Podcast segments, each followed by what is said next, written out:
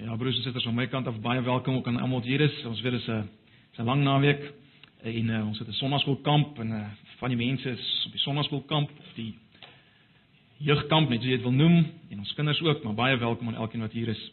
Voor ons uh, na die woord toe gaan en uh, die woord gaan oopbreek, uh, ek wil vanoggend graag vir Daniel en Lise Brink en die twee van die kindertjies wat nie by die kamp is nie, net vra hulle sal vorentoe kom. Uh, hulle het so, julle sal onthou so twee weke gelede, bietjie meer as 2 weke nou al, uh aansoek gedoen vir lidmaatskap. Nou Daniel en Jesus uh, is nie onbekendes aan ons nie. Hulle was ehm uh, was in Antipas gewees, as natuurlik uh familie van die Kusters wat ook vanoggend hier is. En ehm um, hulle het 'n hele paar draaie geloop. Hulle was in Amerika gewees en uh, in Namibië gewees. En uh, hulle het nie net draaie geloop fisies nie, maar het geestelik uh draaie geloop deur baie diep waters gegaan. Ek dink die meeste van julle is bewus van die dinge waar hulle gegaan het. As die Here wil, sal ek nog vir hulle kans gee om om 'n bietjie hulle getuienis te gee rondom klein Rachel, wat werklik 'n wonderwerk is. Die kindjie wat hier daar is, is, is absoluut 'n wonderwerk van God. Uh maar hulle is hulle is nou hier om weer deel te word van van ons gemeente en ek wil net graag uh vir hulle gebed doen. Uh en broers en susters, verwelkom, verwelkom hierdie broer en suster en hulle kindertjies hier in ons midde weer. Um en ons vertrou werklik dat ons in hulle lewens sal inbou, hulle in ons lewens sal inbou en dat ons so as 'n uh, as liggaam saam sal groei tot die volwasse Jesus. Kom ons eh, kom ons doen net 'n gebed saam vir hulle. Ag Here Jesus, ons wil net in hierdie oggend werklik vir Daniël en Lize aan U kom opdra en hulle kindertjies. Ons wil vir U dankie sê vir dit wat U in hulle lewens gedoen het, vir dit wat ons sien in hulle van U. Vir die wonderlike getuienis wat hulle het. Here, ons dankie vir hierdie wonder wat U gedoen het uh met Rageltjie. Here, U het ons verras. U het ver meer gedoen as wat ons ooit gebid of gedink of verwag het. En ons eer U daarvoor. En nou wil ons vir U vra dat U vir hierdie broer en suster en hulle kindertjies waarlik 'n tuiste sal gee in hierdie gemeente deel van U liggaam. Ag Here, gebruik hulle om ons te vorm na U beeld. Gebruik ons om hulle te vorm. Ons dankie vir hulle. Ons eer U vir hulle en vir dit wat U in hulle lewens gedoen het. Aan U kom al die lof, die Here. Al die dank en al die aanbidding. Ons loof en ons prys U daarvoor in Jesus se naam. Amen. Baie baie welkom.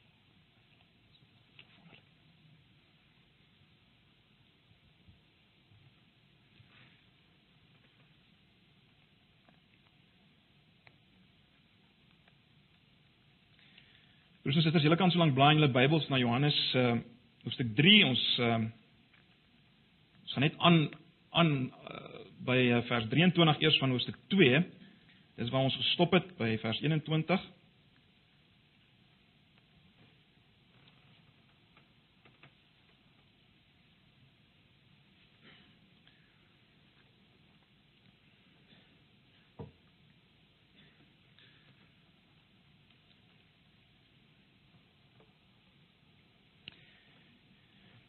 Johannes hoofstuk 2, ek gaan lees vanaf vers 23 en dan gaan ons deur uh, tot by vers uh, ehm, 21 van hoofstuk 3 volgend.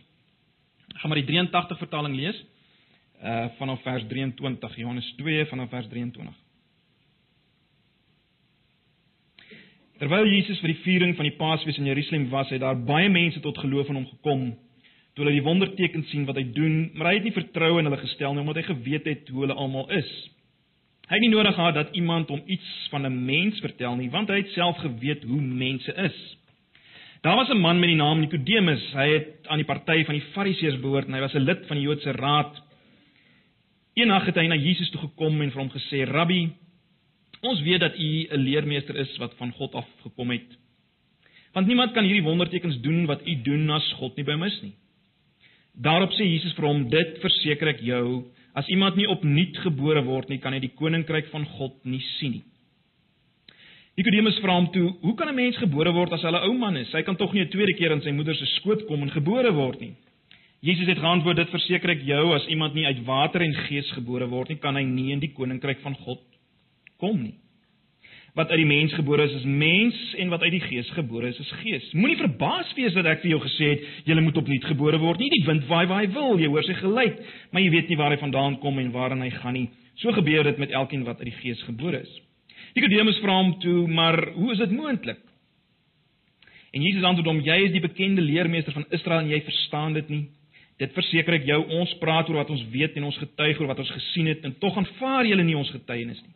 Ek het julle van die aardse dinge vertel en julle glo dit nie. Hoe sal julle glo as ek vir julle van die hemelse vertel? Niemand op aarde was al in die hemel nie, behalwe hy wat uit die hemel gekom het, naamlik die seun van die mens." Moses het die slang in die woestyn hoog op 'n paal gesit, so moet die seun van die mens verhoog word sodat elkeen wat in hom glo die ewige lewe sal hê. God het die wêreld so lief gehad dat hy sy enigste seun gegee het sodat die wat in hom glo nie verlore sal gaan nie, maar die ewige lewe sal hê. God het nie sy seun na die wêreld toe gestuur om die wêreld te veroordeel nie, maar sodat die wêreld deur hom gered kan word. Wie aan hom glo word nie veroordeel nie. Wie nie glo nie is reeds veroordeel omdat hy nie in die enigste seun van God glo nie. En so kom die skeiding. Die lig het na die wêreld toe gekom en tog het die mense eerder die duisternis as die lig liefgehad, want hulle dade was sleg. Elkeen wat kwaad en haat immers die lig en kom nie na die lig toe nie, sodat sy dade nie aan die kaak gestel word nie. Maar wie volgens die waarheid handel, kom na die lig toe sodat dit duidelik kan blyk dat sy dade in gehoorsaamheid aan God gedoen is.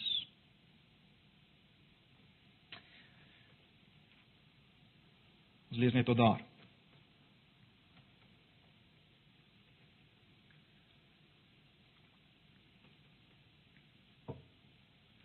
Broers en susters, kom ons uh, vra net nou dat die Here hierdie geleesde woord sal gebruik.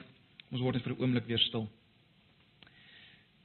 Ja, Here, ons verwagting is nou weer van U en U alleen. Ons wil vra dat U ver oggend in ons midde sal beweeg deur die Gees, dat U U woord sal gebruik om om lewe te bring op 'n wonderlike manier. Ons vra dit van U, ons pleit dit van U. Hoor ons gebed verheerlik Uself in ons midde vanoggend. Amen.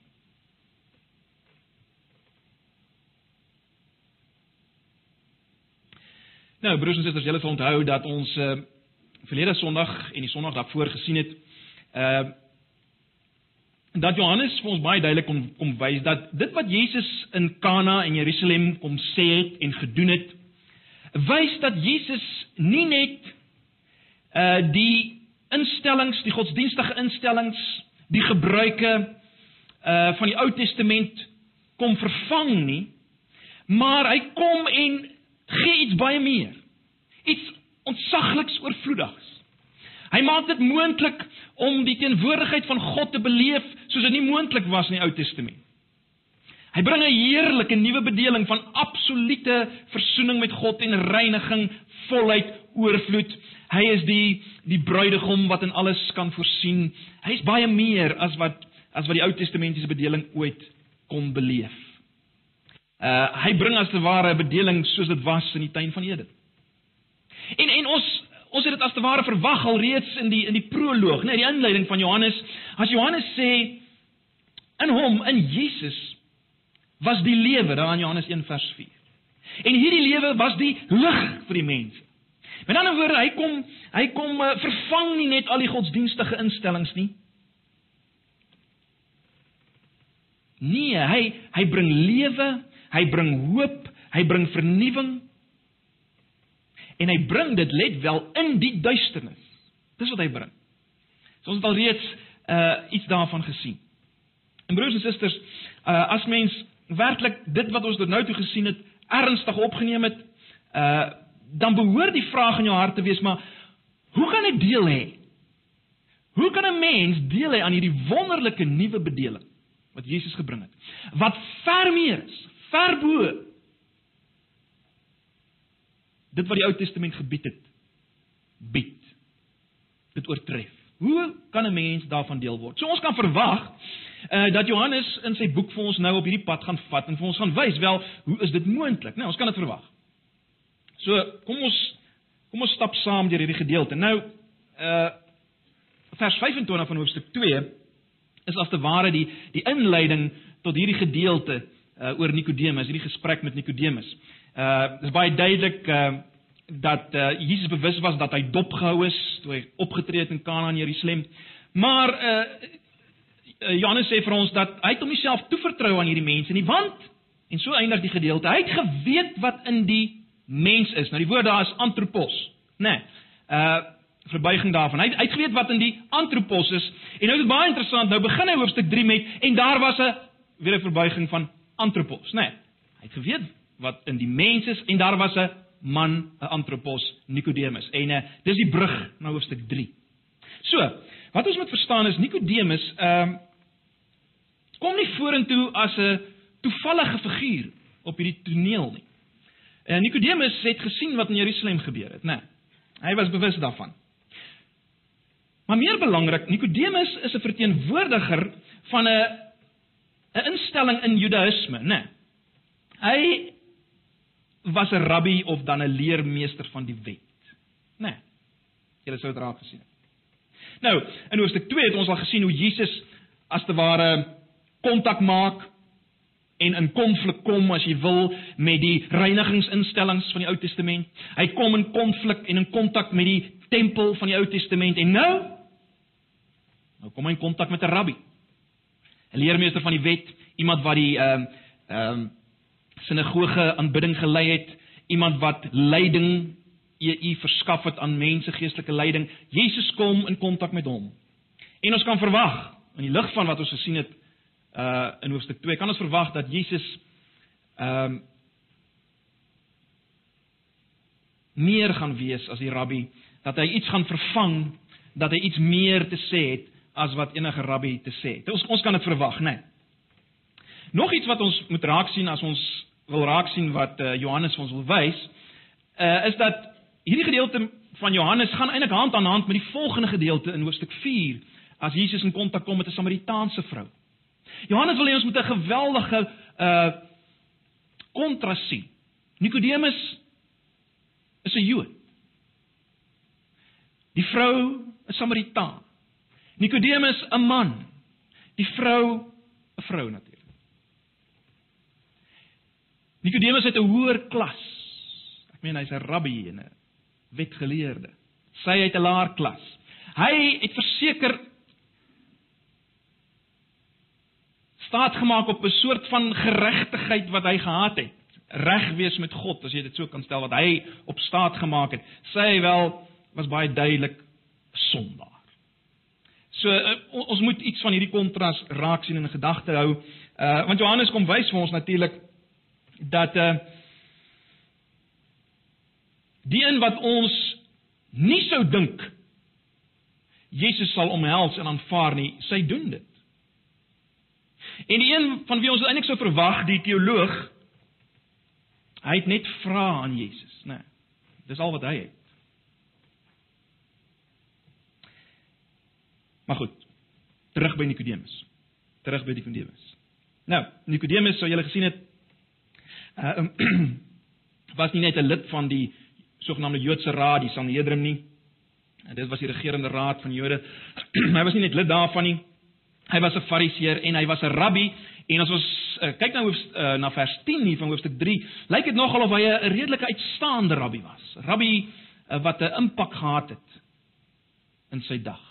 Uitstaande rabbi. En hierdie man kom na Jesus in die nag. Nou hy het uh, Hy het fisies in die nag na Jesus gekom, maar broers en susters, julle sal nou al weet, ons het mekaar gesê dat Johannes werk baie keer op twee vlakke. Net soos Jesus op twee vlakke praat, praat Johannes baie keer op twee vlakke. En en daarom is daar iets meer in hierdie uh, feit dat hy in die nag na Jesus gekom het, né? Nee. Wil nie baie daaroor sê nie, maar nag is heel waarskynlik ook 'n kom ons noem dit 'n teologiese simbool, né? Nee. Met ander woorde, 'n nag druk as te ware Nikodemus se se geestelike verhouding tot die waarheid uit. Julle sal weet as jy deur Johannes lees, oor en oor sien jy dat ehm uh, Johannes uh na duisternis verwys in sy boek as 'n uh, as die riem van boosheid, onwaarheid en ongeloof, né? Nee, julle julle sal dit optel of as julle dit nog nie opgetel het nie, sal julle Dit is baie interessant dat Johannes maak nog 'n punt daarvan om te wys daar in Johannes 13 vers 30 dat Judas Iskariot, toe hy uitgaan om Jesus te verloon, dan skryf Johannes net een sinnetjie, dit was nag. Dit was nag. So Johannes gebruik nag op 'n baie subtiele manier uh om om die duisternis uit te lig en en julle sou gesien het in vers 19 van hoofstuk 3 uh is dit baie duidelik dat Jesus as die lig in die wêreld gekom het, maar mense het die duisternis liewer gehad. Mense die duisternis liewer gehad. Maar goed, nou kom Nikodemus en uh, hy maak 'n baie radikale keuse. Hy stap as te ware om dit so te stel in die lig in om navraag te doen, né? Nee, so kom ons kom ons kyk bietjie hierna. Kom ons kyk na sy vrae en kom ons kyk na Jesus se reaksie. Kom ons kyk na sy vrae en kom ons kyk na Jesus se reaksie. Sy eerste sy eerste vraag wat ons aan vers 2 kry. Ehm um, wel Dit is baie duidelik dat hy baie respek toon vir Jesus. Jesus was 'n onbekende uh nou hier gewees en tog gee jou uh, gee Nikodemus vir Jesus die voordeel van die twyfel. Hy sê wel, heel waarskynlik in die lig van wat ons nou gesien het daar in Jerusalem, uh is dit wat u doen kom dit van God af. Baie belangstellend en uh respekvol. Maar ek dink as min twyfel dat uh dat hy Jesus wil wil uitlok tot 'n teologiese debat, nê, nee, as hy as hy sê wel uh as as hierdie opmerking maak, nê. Nee, niemand kan die wondertekens doen wat wat u doen nie. Hy hy hy wil graag hê Jesus moet daarop reageer. Ek meen Jesus moet nou iets sê daaroor want hy hou van 'n teologiese debat, nê. Nee, so hy wil Jesus uitlok tot 'n teologiese debat en uh is baie interessant. Hy hy praat van ons. Uh dit lyk tog asof hy 'n soort van 'n afgevaardigde was van 'n groep. Nee, hy doen namens 'n groep. Doen hy nou 'n bietjie navraag. En dan kom Jesus se onverwagte reaksie in vers 3. Daarop sê Jesus vir hom: "Dit verseker ek jou, as iemand nie nou die 83 vertaling praat van opnuut gebore word nie, kan hy die koninkryk van God nie sien nie." Met ander woorde, in steede daarvan dat Jesus nou saam met Nikodemus as te ware hierdie ehm um, opmerking of vraag van hom ondersoek, beweeg Jesus dadelik na 'n ander vlak. Met ander woorde, Jesus stel nie belang daarin uh of iemand kan bewys dat daar 'n bonatuurlike werk is nie. Hy wil nie in daai debat betrokke raak nie. Hy wil hy, hy stel belang daarin of iemand die bonatuurlike beleef. Nie of hy dit kan uitken. Uh en uh as te ware kan bevestig nie. Nee nee. Jesus stel belang in iets totaal anders of iemand die bonatuurlike kan beleef en en daarom maak hy hierdie opmerking. Nou Jesus praat hier van die koninkryk van God. Niemand kan die koninkryk van God uh sien as hy nie opnuut gebore word. Nou, miskien moet ons net die opmerking maak oor oor hierdie frase, hoe die koninkryk van God. Ons moet natuurlik vir onsself afvra, hoe sou Nikodemus dit verstaan het? Hoe sou Nikodemus hierdie hierdie uitdrukking verstaan het, die koninkryk van God? Nou, natuurlik in die Ou Testament kry ons nie die frase koninkryk van God nie. Maar wat baie duidelik is is in die, in die Ou Testament is dat dat God die koning is, nê? Nee, dis oral. God is die koning en daar was die verwagting en dit is ook duidelik as mens eh, deur die skrif gaan ons nie tyd om na al die gedeeltes te kyk nie. Maar dit is baie duidelik dat daar 'n finale koninkryk voorspel is as te ware wat aan die einde van die tyd sou kom. 'n Koninkryk van geweldige dimensies. En saam, hiermee sou die die afstammeling van Dawid 'n rol speel en ook uh, die dienaar, die sogenaamde dienaar van die Here van Jesaja. Dit sou geweldige dimensies hê. Uh, daar sou iets wees van van dit wat was by die skepping. Dis verwag. So die frase is nie daar nie, maar die gedagte is daar, nê, nee, die koninkryk van God. En baie belangrik, dit sou aan die einde van die tyd wees en jy sou deel daaraan hê as jy die Torah, die hele wet van Moses sou sou onderhou en daarvolgens sou leef. So onthou dis die raamwerk waarmee Nikodemus sit. En baie van van die mense rondom hom van die dag. En nou kom Jesus en hy gee 'n totaal ander voorwaarde as jy dit so kan stel om deel te word van hierdie koninkryk. Hy sê 'n persoon wat wil deel hê, moet soos die 83 vertaling het vertaal, nuut gebore word of dan weergebore word. Jy kan dit ook vertaal met van bo gebore word. Uh die die die die term kan met beide vertaal word of weergebore of van bo gebore. Uh Johannes uh, as mens kyk na hoe hy die woord gebruik, uh dink ek 'n beter vertaling sou wees van bo gebore. Hy gebruik dit weer en weer so. Daai woord gebruik hy so van bo. Uh, en baie interessant, uh in hoofstuk 3 vers 31 as jy vanaand daar na kom kyk, sal jy sien dat ehm uh, Jesus is die een wat van bo is. Hy is die een wat van bo is. So hou dit net in gedagte. Hy is die een wat van bo is. Goed. So ons kon hierdie term vertaal met van bo gebore. Van bo gebore. Jy moet van bo gebore word. In ander woorde, Nikodemus om deel te hê aan hierdie koninkryk, om dit te verstaan, om dit te sien, uh is daar iets meer nodig as om net uh te kan sien dat tekens, sekere tekens van God af is. Daar daar daar's iets meer nodig.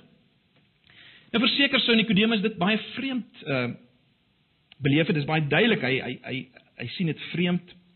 Sy antwoord in vers 4 uh afhangende van van hoe hy Jesus as te ware gelees het hier beteken sy antwoord in vers 4 as hy sê hoe kan 'n mens gebore word as hy 'n ou man is hy kan tog nie 'n tweede keer in sy moeder se skoot kom en gebore word nie hy kan dit of sê in die sin van kan 'n kan 'n mens werklik verander kan menslike natuur werklik verander of hy kon dit meer sarkasties of sinies bedoel het Wil jy vir my sê ek moet nou weer my ma se maag ingaan? Dis tog belaglik. Ek kon dit dalk so bedoel het. Nie heeltemal duidelik nie. Maar broers en susters, wat die geval ook al mag wees, is baie duidelik dat Nikodemus nie deel het aan hierdie koninkryk nie. Nee, hy kan dit nie pyl nie. Hy verstaan dit nie. En nou kom Jesus en hy hy gaan nou verduidelik wat bedoel hy met van bo gebore. Nee, hy gaan nou die term verduidelik. So terloops, as jy wil weet wat is wedergeboorte of die geboorte van bo wel, Jesus verduidelik dit en ons moet kyk na wat hy sê. En Jesus verduidelik dit as 'n geboorte uit water en gees. 'n Geboorte uit water en gees. Nou onthou nou, Jesus praat met 'n rabbi.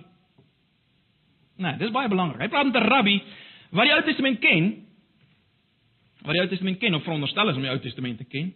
Hy praat met 'n rabbi en hy sê wel hierdie opnuutgebore, hierdie van bo gebore is 'n geboorte uit water en gees. Nou in die Ou Testament weer eens was daar 'n verwagting uh van vernuwing aan die einde van die tye. Baie duidelik, as jy die Ou Testament lees, sien jy dit uh in die profete, né?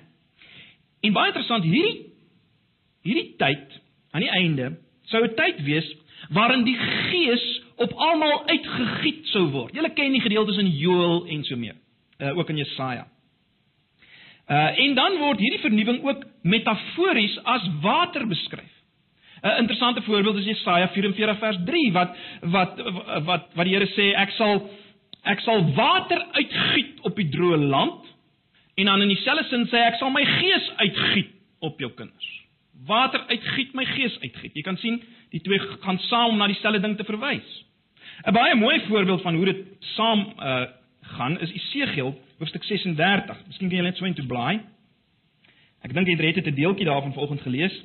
Esegiel 36, maar kyk na vers 25 van Esegiel 36. Miskien moeite werd om dit net uh na te slaan want ons gaan ook nou kyk na nog 'n gedeelte in Esegiel. So hou maar 'n vinger daar. Esegiel 36 vers 25.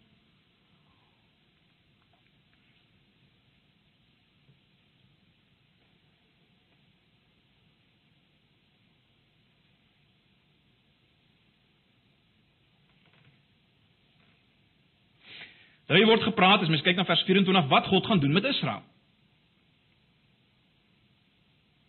En dan vers 25. Ek sal reinigingswater oor jou of oor julle, dis nou Israel uitgooi sodat julle rein kan word, né? Nee, Daar's weer ek sal reinigingswater of soos die eh, letterlik staan ek sal skoon water op julle uitgooi. Ons kan sê dis reinigingswater, net soos jy wil. Ek sal reinigingswater of skoon water oor julle uitgooi sodat julle kan rein word. Ek sal julle reinig van al julle onreinheid en van julle afgodery en dan vers 26 ek sal julle 'n nuwe hart en 'n nuwe gees gee ek sal die kliphart uit julle liggaam uithaal en julle 'n hart van vleis gee en dan vers 27 ek sal my gees in julle gee Hier is gees met 'n hoofletter. Ek sal my gees in julle gee en ek sal maak dat julle volgens my voorskrifte leef en my bepalinge gehoorsaam en nakom. So daar sien ons hoe die twee terme water en gees weer saamgebruik word vir hierdie reiniging wat God gaan bewerk van Israel in die laaste tye. Hierdie tydperk, hierdie era van vernuwing en reiniging, né, nee, word so uh, uitgedruk as water en gees. En dis na hierdie era wat Jesus verwys as hy praat van die geboorte van bo. Hy hy hy hy, hy verwys hierna. Onthou hy praat met 'n rabbi. En dan gaan Jesus voort en hy sê moenie verbaas wees dat ek dit vir jou sê nie, Nikodemus. Moenie verbaas wees nie. En dan sê Jesus nog iets van hierdie era. Hy sê nog iets van hierdie era, né? Nee. Hy verwys na die feit dat hierdie era sal 'n era wees waarin die gees van God sal beweeg. Né? Nee. Dis daai gedeelte waar hy praat van die uh van die wind in vers 8. Wind waai waar, waar hy wil en jy hoor sy geluid, maar jy weet nie van waar hy kom en waarheen hy gaan nie, soos elkeen wat uit die gees gebore word. So hy praat weer van van hierdie tydperk en hy hy vergelyk dit met die wind, né? Nee. Dit is weer 'n baie interessante speel met woorde, wind en gees. Uh in Grieks en Hebreëus is eintlik dieselfde woord. Hy speel met hierdie woorde. En nou broers en susters, uh die gedeelte wat die agtergrond vorm van hierdie uitspraak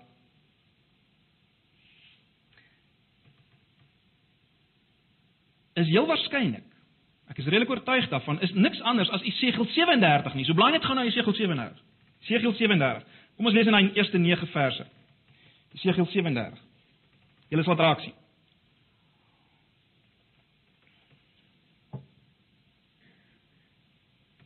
Ja, julle ken hierdie gedeelte, maar luister net hier. Die Here wat vir die profeet Esegiel 'n visioen gee, gesig gee.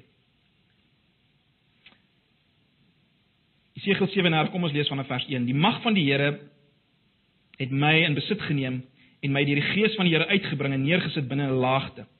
Die laagte was vol bene. Die Here het my om die bene laat loop en ek het gesien daar is baie bene in die laagte en is baie droog. Toe vra hy vir my mens, kan daar in hierdie bene weer lewe kom? Ek het geantwoord: Nee, dit weet net U, Here my God. Hy sê toe vir my: Tree op as profeet vir hierdie bene en sê vir hulle: Hoor die woord van die Here, droë bene. So sê die Here my God vir hierdie bene: Ek gaan gees in julle laat kom sodat julle kan lewe. Ek sal vir julle seënings en vleis aansit en julle sal ook uh, en julle oortrek met vel en dan sal ek gees in julle gee sodat julle kan lewe. Dan sal julle besef dat ek die Here is. Vers 7 ek het toe as profeet opgetree soos ek beveel is en terwyl ek dit doen, hoor ek 'n gedreun. Hoor ek 'n gedreun. Die bene het na mekaar te beweeg, elkeen na die been toe wat by hom pas. Terwyl ek kyk, kom daar seënings en vleis aan hulle en word daar vel boor getrek, maar daar was nog nie gees in hulle nie. Toe sê die Here vir my profeteer of praat nou as profeet met die Gees, tree op as profeet mens, sê vir die Gees, so sê die Here my God, kom uit die vier windstreke Gees, blaas in hierdie dooies in dat hulle kan lewe. Nou dis waarskynlik die agtergrond van Jesus uitspraak. Wat Jesus wil wys is dat uh dat die oorsprong en die beweging van wind is misterieus. Soos dit soos die gees se beweging misterieus is hier in Esegiel, né? Nee. Jy hoor net die geluid. Uh Esegiel het net 'n gedreun gehoor en ewe skielik was daar 'n effek. En die effek was wat? Die effek was lewe. Uh, hy het nie geweet waarvandaan kom hierdie wind of hierdie gees nie. En ewe skielik was daar effek, daar was lewe. En en dis waarvan Jesus hier praat. Hy sê so so is hierdie geboorte van bo. Die effek is lewe. Effek is lewe, maar uh die oorsprong en beweging is is misterieus. Uh Om dit so te stel, dit kan nie vasgevang word in stelsels nie. En en dis wat Jesus reeds in hoofstuk 2 gewys het. Jy kan nie hierdie beweging van God, die beweging van die Gees is nie meer beperk tot die tempel of enige ander plek of enige ritueel nie. Nee. En dis die nuwe bedeling waarvan Jesus praat. Dis alles deel van hierdie proses van nuutgebore. hierdie era. En nou broers en susters, sal julle weet, ons het reeds in hoofstuk 1 vers 4 gesien dat Jesus sê of, of dat Johannes sê in hom, dis in Jesus is daar lewe. In hom was die lewe. Julle sal ook onthou dat Johannes die Doper of dat Johannes die skrywer vir ons wys dat Johannes die Doper sê hierdie een wat na my kom eh, waarvan ek nie sy sy skoenrieme kan vasmaak nie, hy sal met die Gees doop. En as ons nou net aankyk uh, na die na hoofstuk 3 of as jy as jy aanblaai in hoofstuk 3 in vers 34 van hoofstuk 3 sal jy sien dat uh dat die volgende uitspraak gemaak word.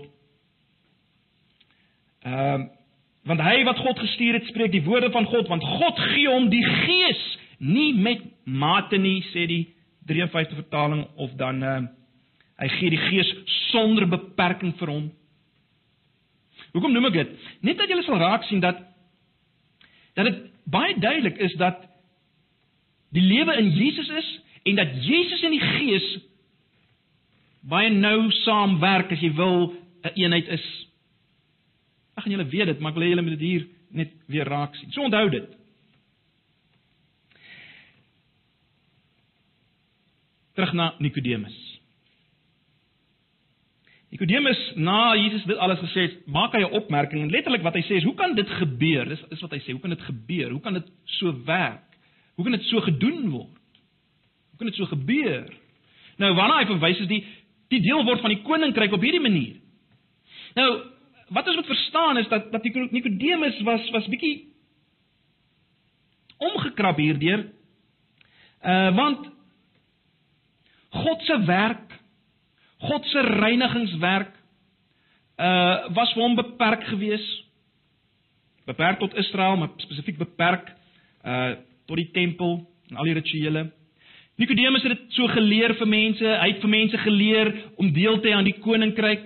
Moet jy al hierdie dinge onderhou en nakom? Was geen twyfel dat hy dit so geleer het nie. Deelname aan die koninkryk lê in gehoorsaamheid aan al hierdie insettinge. En nou kom Jesus met hierdie hierdie uitspraak. Maar kyk nou na vers hier uh of na Jesus in vers 10 en vers 11. Jesus se uitspraak in vers 10 en 11. Jesus antwoord hom: "Jy is die bekende leermeester Rabbi. Jy is die bekende Rabbi van Israel en jy verstaan dit nie." Dit verseker ek jou vers 11. Ons praat oor wat ons weet en ons getuig oor wat ons gesien het en tog aanvaar julle nie ons getuienis nie. Nou die eerste ding wat ons hier moet raak sien is die die, feit dat dat Jesus sê jy's 'n jy's die rabbi, dis letterlik wat daar staan, jy's die rabbi. Jy, jy's 'n besondere rabbi hier in die omgewing.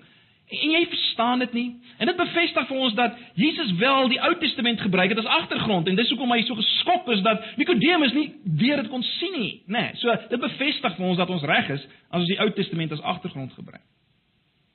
En dan is dit opvallend dat Jesus hom aanspreek as rabbi Hy het vir Jesus aangespreek as rabbi in vers 2. Jesus spreek hom aan as rabbi. En baie duidelik broers en susters wat ons moet raak sien is dat dat hierdie rabbi, hierdie aardse rabbi het nie die antwoorde nie. Jesus oortref hom. Jesus is baie meer uh en dit moet ons raak sien. Maar Jesus kom ook in, dan in vers 11 en hy en hy wys vir Nikodemus, hy sê as te ware vir hom kyk. Dit waarvan ek nou gepraat het is nie net 'n teorie nie. Ons is deel daarvan. En hoe weet jy ons? Wel, hy self en sy disippels is deel daarvan en ons praat daarvan.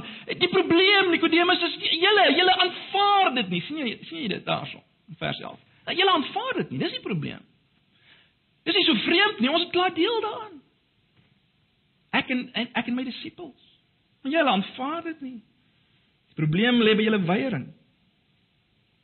En dan kom ons by vers 12 nou. Vers 12 is 'n bietjie van 'n moeilike vers. Maar Jesus sê as ek julle van die aardse dinge vertel het en en julle vat dit nie, wel hoe sal julle dan as ek julle van die hemelse vertel? Wat presies Jesus bedoel, weet ons nie, maar waarskynlik is dit iets in die lyn van dit wat ek nou vir julle gesê het oor die geboorte van van bo of die nuutgebore of die weergebore geboorte. Uh ek het dit nog op 'n aardse manier daaroor gepraat en julle dit nie begryp nie. As ek nou meer gaan sê daaroor en dit meer uit 'n hemelse perspektief gaan belig, hoe gaan julle dit hoe gaan julle dit verstaan? Waarskynlik is dit hoe hy dit bedoel het, is nie heeltemal seker. Maar baie interessant, Jesus gaan dan voort in vers 13 en hy wys dat hy die een is uh wat van die hemel kom.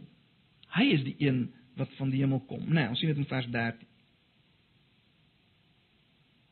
En dit is baie duidelik dat uh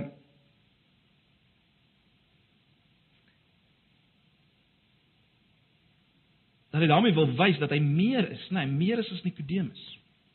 Ehm um, wat hy sê, het die hemelse gesag. Uh, hy kan praat oor hierdie dinge, nê. Nee. En dit bring ons by vers 14. Dit bring ons by vers 14. Vers 14 is die hele gedeelte waar Jesus praat oor Moses wat die slang in die woestyn verhoog het. Nou, onmiddellik moet ons vra nou maar wat gaan hier aan? Hoekom hoekom nou hierdie gedeelte? Wat doen Jesus nou hier? Hoekom praat hy hieroor? Nou, ek dink daar's twee redes waarom hy hieroor praat. En ons gaan sien hoe dit ook nou aansluit by dit wat hy nou net gesê het.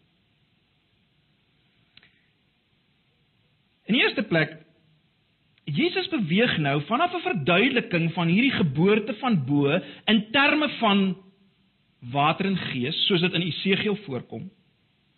Jesus beweeg nou daarvandaan na 'n gedeelte in die in die Pentateug, né, spesifiek in Numeri 21. So, hy het nou die geboorte van bo verduidelik in terme van dit wat Esegiel sê, hierdie hele kwessie van water en gees, daai reiniging. Nou gaan hy en hy gaan na 'n ander gedeelte in die Ou Testament in Numeri 21. En julle ken die gedeelte, eh, die Israeliete wat ongehoorsaam is. Uh God stuur slange onder hulle en dan uiteindelik uh roep Moses na God en uh God sê vir hom maak 'n koperslang. En as iemand na daai koperslang kyk, het hy geleef. As hy net kon kyk, het hy geleef. Geweldig aangrypende gedeelte. Hy moes opgelig word. En letterlik as 'n ou net met 'n dowwe oog kon kyk, sterwend en hy kon net kyk na die koperslang het hy geleef. So, wat sien ons? Die koperslang was die middel waardeur die Israeliete lewe gekry het as hulle daarna gekyk het. Of as jy wil, deur middel van die kyk na die koperslang het hulle geleef. Nee. Onthou weer eens Jesus praat met 'n kenner van die Ou Testament. So wat sien ons? In Esegiel is daar sprake van nuwe lewe deur die beweging van die Gees. In Numeri is daar sprake van nuwe lewe deur die kyk na die koperslang. En nou kom Jesus. En hy kom sê vir hulle net so, soos daardie slang verhoog is. Soos daai slang verhoog is.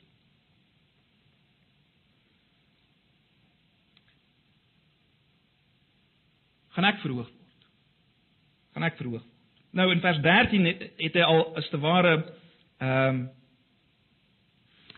gesin speel op sy opvaar na die hemel. Mens sien dit nie so duidelik in die 83 vertaling nie. In 53 is dit duideliker as hy sê niemand het opgevaar in die hemel nie behalwe hy wat uit die hemel neergedaal het.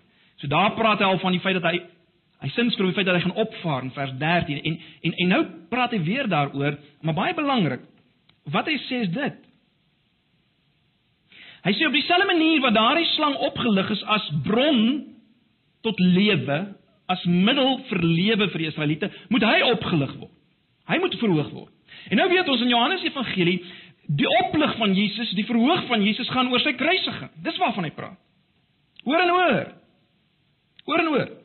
Hoofstuk 8, hoofstuk 12 en so meer. Lukas gebruik dieselfde werkwoord om te verwys na Jesus se verhoging uh, aan die regterhand van God, nee, en sy hemelvaart. Dis hoe dis hoe Lukas dit gebruik. Maar Johannes gebruik dit vir die kruisiging. En dit sê vir ons dat Johannes sien die die offer van Jesus aan die kruis en sy lyding eintlik as die as die plek van verhoging. En dis hoe hy dit ook gebruik in Johannes Evangelie. Dis waar Jesus verheerlik word. Dis waar ons sy heerlikheid sien, is aan die kruis. Dis waar ons sy genade en waarheid sien. Dit waarvan hy in hoofstuk 1 gepraat het. Sien dit aan die kruis. Ons sien dit aan die kruis. So wat wat wat sê Jesus hier? Wel, hy sê net soos mense in die woestyn, die Israeliete, dit wel was net Israeliete daar gewees, net soos hulle gekyk het na hierdie slang en bly leef het, so sal elkeen wat nou glo in hom, die verhoogde Jesus, die gekruisigde Jesus, lewe. So wat hy daarmee sê is is is om te glo is om uit magteloosheid te kyk na die gekruisigde Jesus. Soos daardie mense in die woestyn gekyk het en geleef het as hulle maar net hulle oog kon opslaan het hulle geleef. So as jy maar net kan kyk na Jesus en dis geloof om na hom te kyk, wel, dan sal jy lewe. sien julle dit? So die koperslang, as jy na hom gekyk het, het jy geleef. As jy kyk na Jesus, sal jy leef. Koperslang was natuurlik meer fisiese lewe, Jesus geestelike lewe. Maar maar dis wat ons moet raak sien. Jy sal lewe. Jy sal lewe. Later in Johannes 11 sê Jesus ek is die opstanding en die lewe wie in my glo sal lewe al het hy ook gesterwe en my, wie in my glo sal nooit sterwe. Want as jy in hom is, is jy in lewe. Hy is die lewe, né? In hom is daai nuwe lewe waarvan Esegiel geprofeteer het. Daai nuwe lewe is in hom, dis nie los van hom nie, dis in hom is daardie lewe. En as jy's in hom omdat hy verhoog is, omdat hy gekruisig is, want want daardeur kan hy daai nuwe lewe aan ons oordra omdat hy die straf gedra het vir ons dood. Vir ons sonde wat dood is. Daarom kan daar lewe wees in hom, die gekruisigde, né? Nee. Maar goed. Vir wie is dit? Vir wie is hierdie lewe? Wel, dit bring ons by die baie bekende vers 16. Want so lief het God die wêreld gehad dat hy sy enigste seun gegee het sodat die wat in hom glo nie verlore sal gaan nie, maar die ewige lewe sal hê. Ag, so bekende ou vers versie vir ons, né? Nee, ons sê dit op van kleins af, maar broers en susters, dit was skokkend vir Nikodemus. Skokkend. Wat? Die wêreld. Die heidene. Hoe op aarde is dit moontlik? Dat hierdie lewe waarvan jy nou praat vir hulle is. Om dan ingaan in die koninkryk. Hoe is dit moontlik?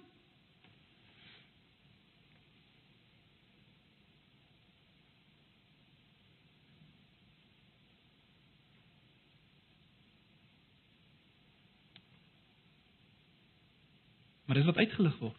So lief het God die wêreld gehad. En nou verstaan mens vers 14 as as as as ons in vers 14 lees, so moet die seun van die mens verhoog word. Wie was wie was die seun van die mens? Nou, ons het nie nou tyd weer om daarop in te gaan nie, maar julle sal onthou ons het al vir mekaar gesê, die seun van die mens is daai uh, mystieke figuur uit Daniël 7 uit wat die heerser oor die nasies en volke is. Dis die seun van die mens. In vers 14 sê hy dis die seun van die mens wat verhoog gaan word. Maar daar's nog iets meer skokkends hier. In Johannes se geskrifte is die wêreld of dan kosmos soos hy dit gebruik, uh verwys nie na die wêreld van bome en plante en diere die wêreld nie. Wêreld in Johannes Evangelie verwys na die mensdom in oppositie, die mensdom in vyandskap teen God. Dis die wêreld. Dis die wêreld. Hy gebruik daai term 78 keer so in sy evangelies en hy gebruik daai term 24 keer so in sy briewe. Die wêreld in oppositie teen God, in vyandskap teen God. Dis die wêreld wat God liefhet in Johannes Evangelie. Vergeet maar al die ander dinge wat jy al gehoor het, maar dis Johannes dit gebruik. Dis Johannes dit gebruik. Miskien sê jy, "Maar hoe rym dit nou met Johannes 2 vers 15 tot 17 wat sê ons ons moenie die wêreld lief hê nie?" Wel, kom ek verduidelik dit net baie vinnig so. As geen teenstrydigheid nie. Ons as Christene mag nie die wêreld lief hê met die selfsugtige liefde van deelname aan hierdie wêreld nie. Ons mag nie die wêreld so lief hê met die selfsugtige liefde van deelname nie. God het die wêreld lief met selfprys gee prysgawe liefde net soos jy dit wil stel, die liefde van homself prys gee. God het die wêreld lief met hierdie prysgee liefde van verlossing, 'n duur liefde van verlossing. Dis hoe hy die wêreld liefhet. Ons mag nie die wêreld lief hê met uh met die liefde van deelname nie.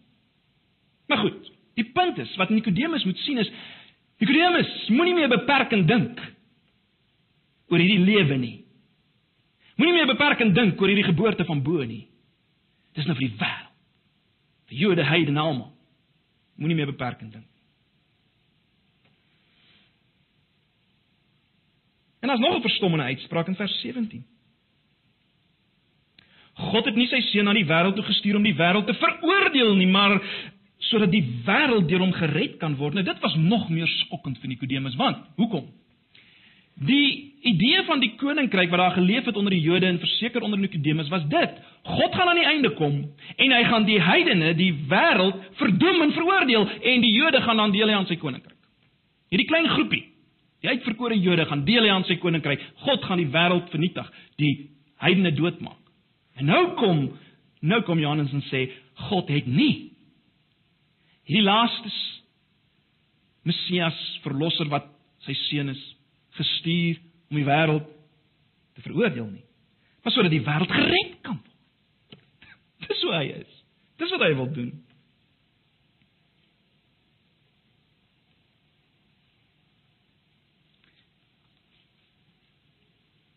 In vers 16 en vers 17 wys een ding baie duidelik.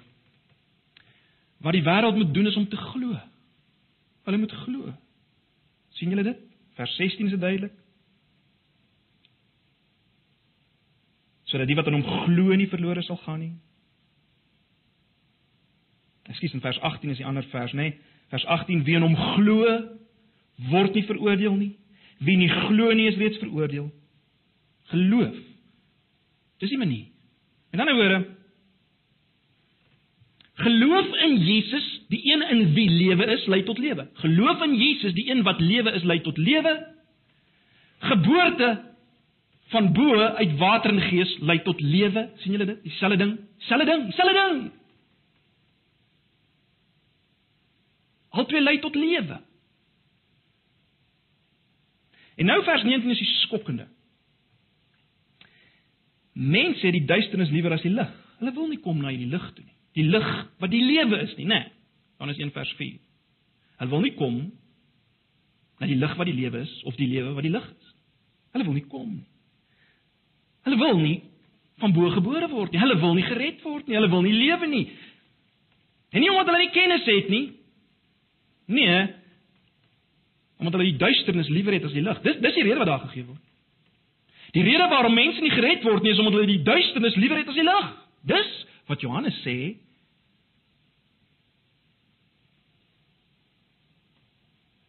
Hulle wil nie laat los nie. Hulle is bang dit wat hulle doen gaan geopenbaar word. Dis wat daar staan. Dis hoekom mense nie gered word. Dis hoekom mense nie glo nie. Dis hoekom mense nie lewe nie. Hulle die duisternis liewer as die lig. So, broers en susters. Wat sê dit vir ons? Kom ons staan vir 'n oomblik terug en ons ons bring 'n bietjie nader aan ons eie lyf.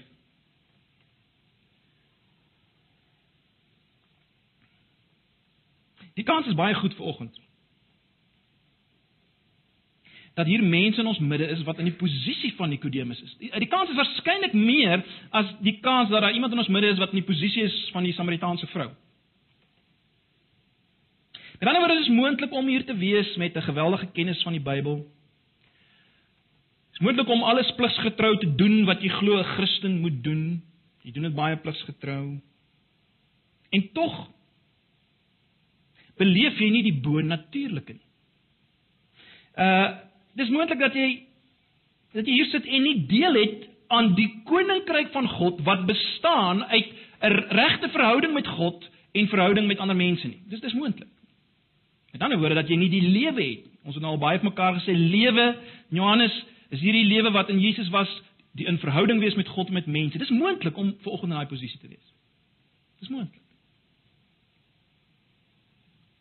As dit so is, dan moet jy ver oggend hoor, jy moet weergebore word. Jy moet van bo gebore word.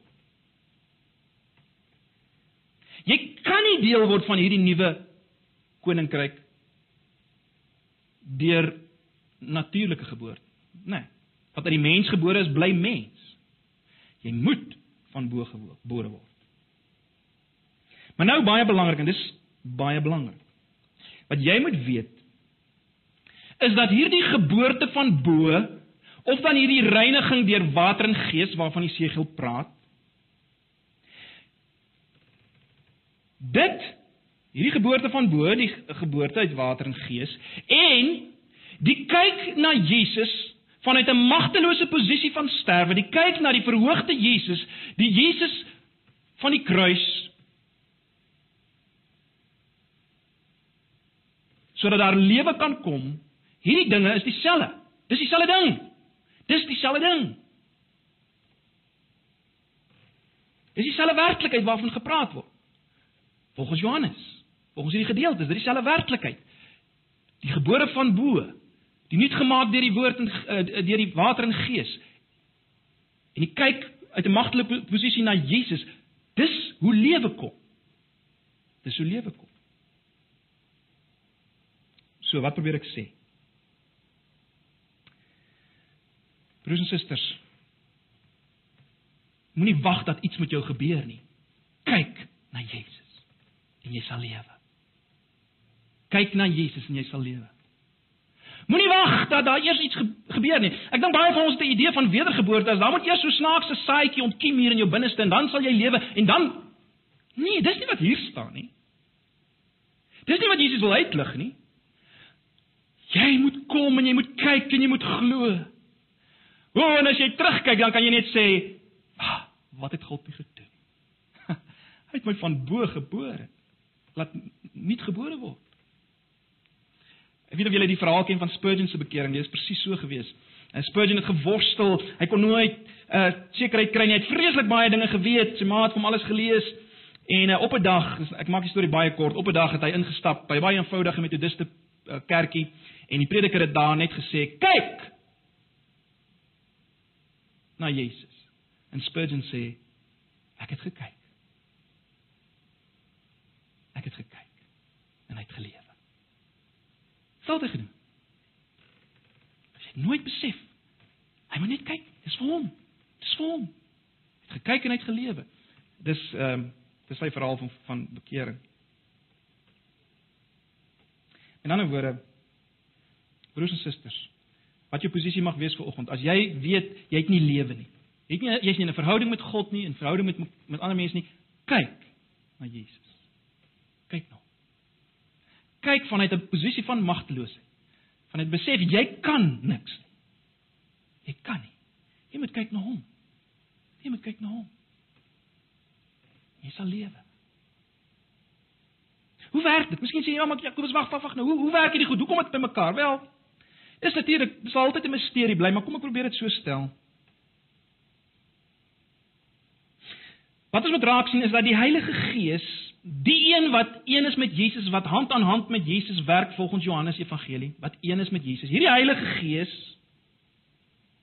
gee vir jou nuwe geestelike lewe deur jou te verbind aan Jesus deur die geloof. OK? Die Heilige Gees verbind jou aan Jesus, die een wat lewe is en hy doen dit deur geloof. Verbind jou so aan Jesus. Of jy kan dit anders stel. Die Heilige Gees verbind jou deur die geloof met die Jesus in wie reiniging is, by wie jy 'n nuwe hart kry om hom as skat lief te hê en ander mense lief te hê sodat jy kan lewe met 'n hoofletter. Dis wat hy doen. Dis wat gebeur.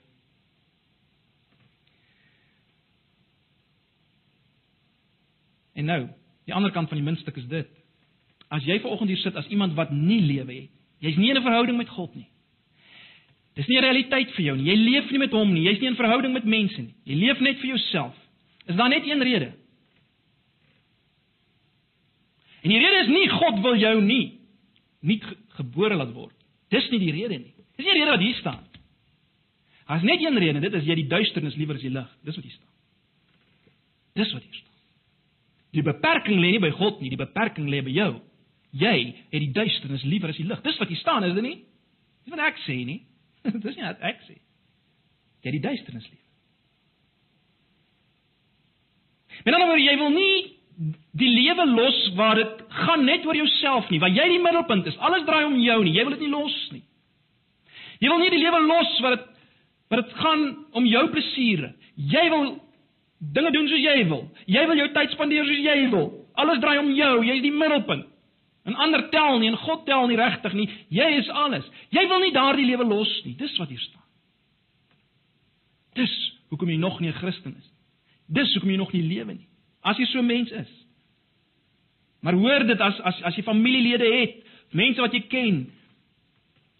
Die rede is nie omdat God hulle nie wil red nie. Die rede is hulle is in duisternis en hulle wil nie dit los nie. Dis wat is. Hulle haat die lig. Want hulle wil nie hê dit wat hulle doen moet in die lig kom nie. Hulle weet hulle sal dit moet los. Hulle weet dit gaan in die lig moet kom en hulle wil dit nie hê nie. Dis wat hier staan. Dis wat hier staan. My laaste punt broers en susters. Ag. Sal ons nie weer die heerlikheid van God sien, vol genade en vol waarheid in Jesus nie. Wat ons moet raak sien net weer hier is dit. Ek hoop julle sien daar's nie sprake hier of in die res van die Nuwe Testament van aan die een kant 'n God, die Vader wat graag wil verdoem eintlik mense nie wil verlos nie. Hy wil eintlik verdoem. En dan kom Jesus as 'n onpartydige as te ware tussenin. En hy kom verlos ons van God se oordeel. Hy kom red ons van die oordeel van God. Dit is sprake van so iets. Want so lief het God die wêreld gehad.